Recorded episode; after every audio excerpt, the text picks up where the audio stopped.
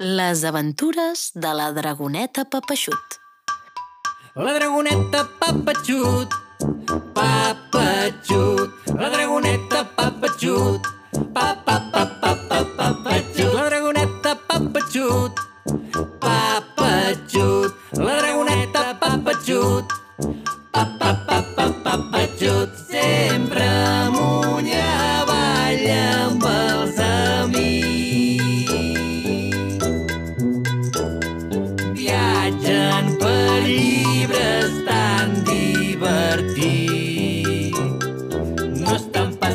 avorrits.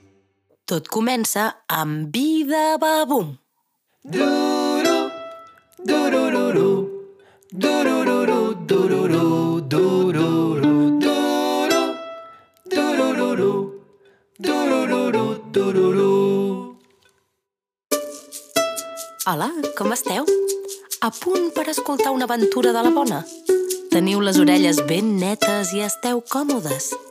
Doncs pareu atenció, que us vull presentar una colla molt especial. Xxt, que em sembla que ja tenim aquí els protagonistes. Ja sento com s'acosten. Oh, la primera en arribar és la dragoneta Papeixut. La Papeixut és una dragoneta de peluix de color verd amb llunes taronges. Té les orelles a sobre del cap, petites i rodonetes com les d'un hipopòtam, i llueix una cresta vermella que li va de les orelles fins a la punta de la cua. És una cua molt llarga i a banda i banda de la cresta, just a l'altura de les espatlles, té dues ales petitones i platejades. Semblen ales de papallona. Són unes ales molt especials, perquè quan les mou escampa una pols d'estrella que la fa volar. Ah, i encara té una altra particularitat. Una cosa que la fa única, inconfusible. És que la panxa du cosit un pedaç de tela que li fa de butxaca. Una butxaca misteriosa que jo no sé massa com funciona. Només sé que en aquesta butxaca amaga un trombó daurat. El sentiu com sona? És que avui tenen un concert, un concert molt important. Em sembla que sento acostar-se un acordió. Aquest deu ser el llop parrac. És un llop fet de retalls de tela. Està tot apedaçat. Tot apedaçat menys la cua, que sembla un plomall de tan peluda com és. El llop parrac és un titella de mà que toca l'acordió. Sabeu on se'l guarda? Doncs dins del quan. Com si se'l guardés dins de la panxa.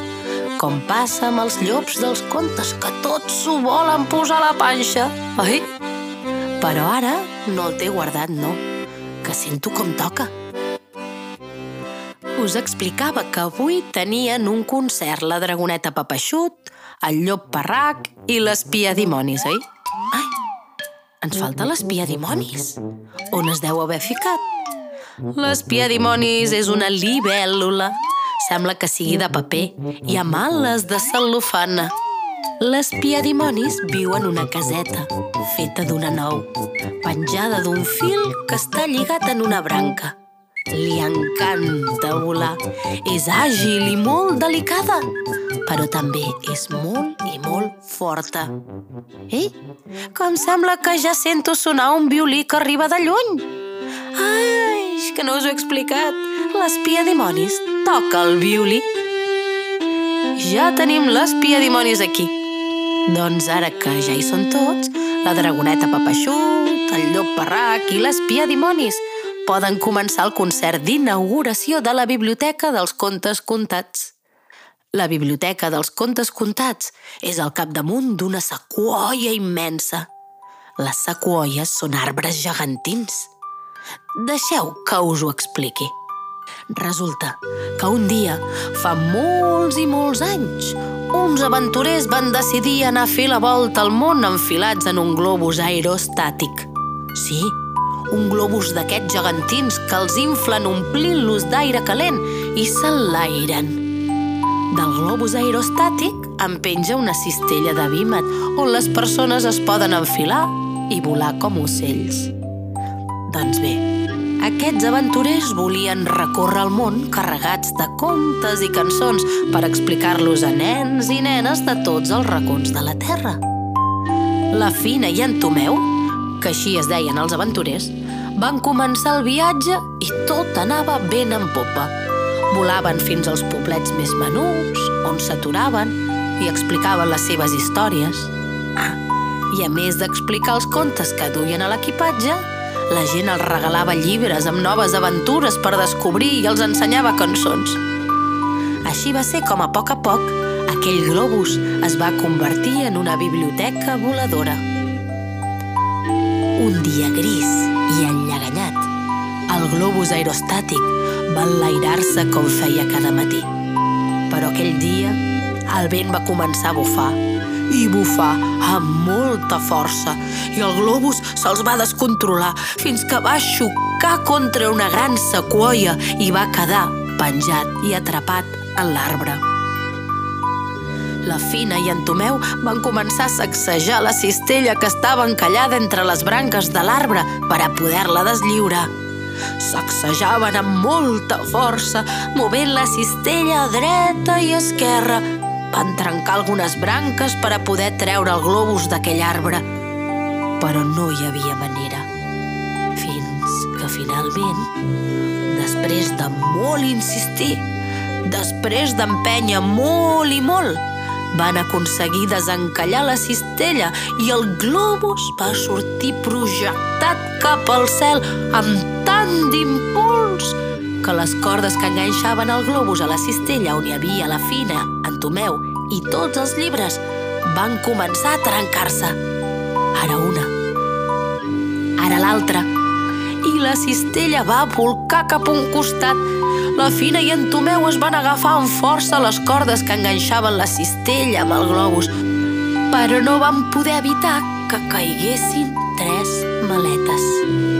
Dues estaven plenes de llibres i a la tercera hi havia la dragoneta Papeixut i el llop Parrac, que viatjaven entre els contes i ajudaven la Fina i en Tomeu a explicar les històries.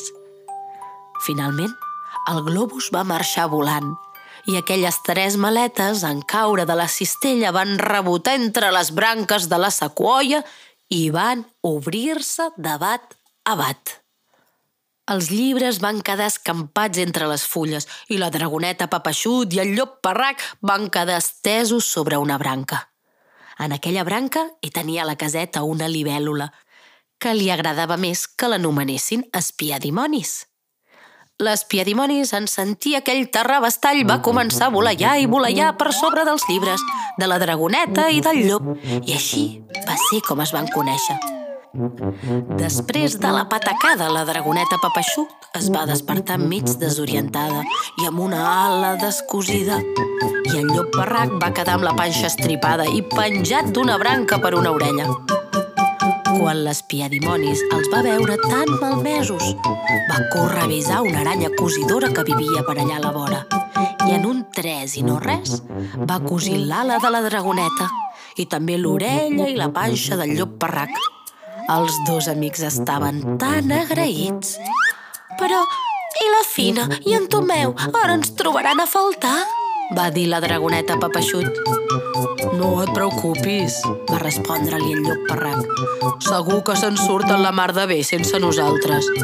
Però què farem nosaltres sense ells? No ho sé. Primer de tot, recollir aquest escampall de llibres.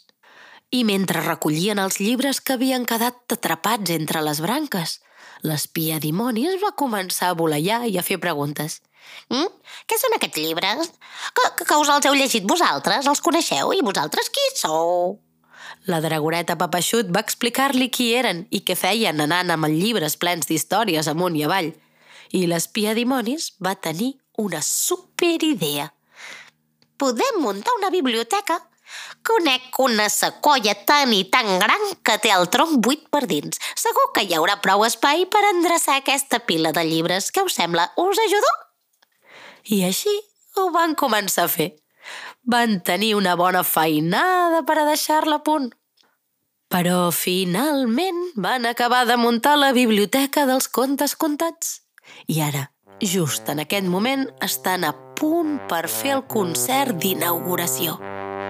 I queda inaugurada la biblioteca dels contes contats. Visca!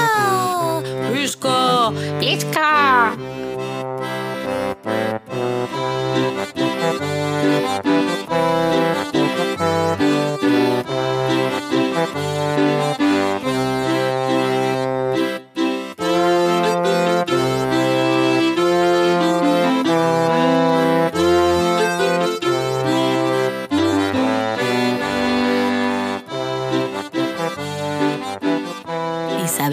li han posat aquest nom?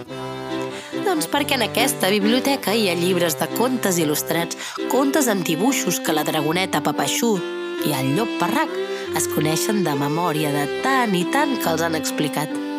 I a més a més, amaguen un secret. Escolteu, escolteu, que estan a punt d'explicar-li a l'espia dimonis el gran secret. A veure què diu la dragoneta Papaixut. Espia dimonis, amic nostre. Gràcies per haver-nos cuidat i haver-nos ajudat a crear aquesta superbiblioteca. I ara volem explicar-te el nostre secret. Has de saber que aquests llibres estan plens de personatges amics nostres i nosaltres podem entrar dins dels llibres sempre que vulguem. Només ens cal tancar els ulls i dir Vida va bum! Uau! La dragoneta Papaixut i el llop Parrac tenen un superpoder. Entren als llibres tancant els ulls i dient Vida va bum! L'espia dimonis s'ha quedat de pedra. Fa cara de no entendre res de res. I no m'estranya. Au, au! No t'ho acabes de creure, oi? Eh, doncs enfila't sobre meu i entrarem dins d'un conte, diu el llop Parrac. I tal dit, tal fet, l'espia dimonis s'enfila al cap del llop i van directes a buscar un llibre. Les mil i una nits.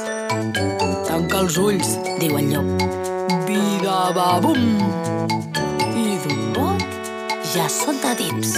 Llop Barrac, espia dimonis, torneu! Els crida la dragoneta.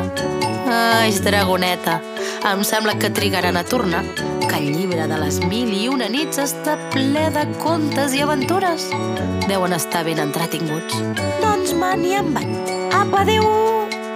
Adéu, adéu! I és clar que sí. Gaudiu de les històries de les mil i una nits, dragoneta papaixut, llop parrac i espia dimonis. A veure si un altre dia nosaltres també podem entrar dins dels llibres de la biblioteca dels contes contats. Què me'n dieu? Voldreu venir?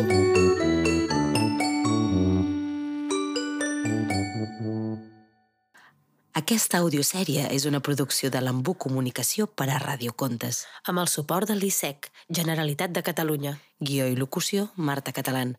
Música i muntatge, Albert Nardi. Troba més històries a radiocontes.cat, l'indret on les paraules sintonitzen amb la imaginació.